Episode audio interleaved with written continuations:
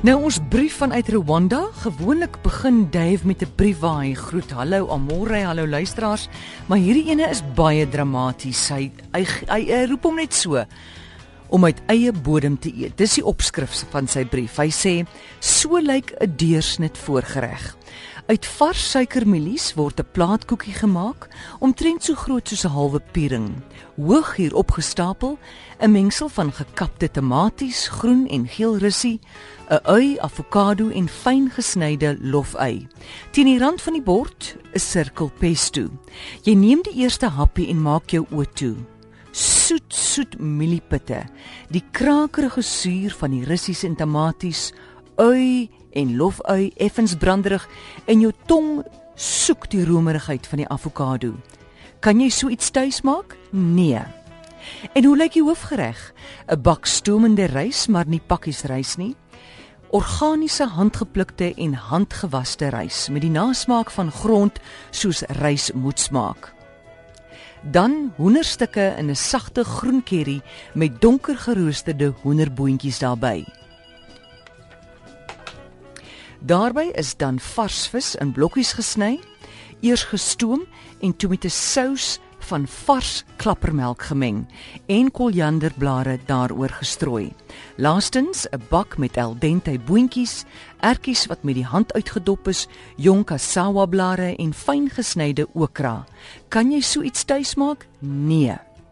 Nagereg bestaan uit pineappel, so soet dat dit jou skeel maak en wat effe na klappers smaak. Papaja, byna oranje van rypheid, boomtomaties en waatlemoen.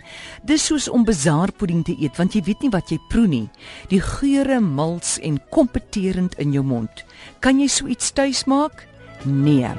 Rwanda is so groot soos België, sê Dave, omtrent 26000 vierkante kilometer en op hierdie piepklein stukkie aarde woon daar 11 miljoen mense en dit na die skrikwekkende menseslagting van 1994 toe byna 'n miljoen mense in slegs 6 weke gesterf het.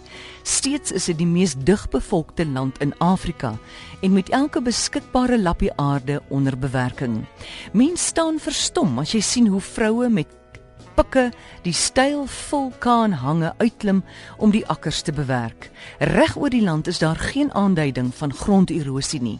Produksie bly jaar na jaar op pyl en hongersnood is onbekend hier. Die geheim Die land is klein en soms afgeleë wat beteken dat dit slegs met die hand bewerk word. Geen grondkompaksie deur trekkers nie, geen vermorsing van brandstof. Die tweede tegniek wat die aarde behou is om veelvuldige gewasse saam te plant.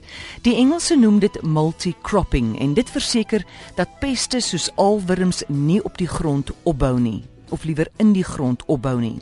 Daar word streng wisselbou toegepas en die afwisseling is deur jare, selfs eeue, se ondervinding opgebou.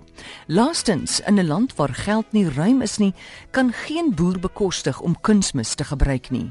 Elke graaf vol beeskaap en bokmis word teruggewerk in die aarde.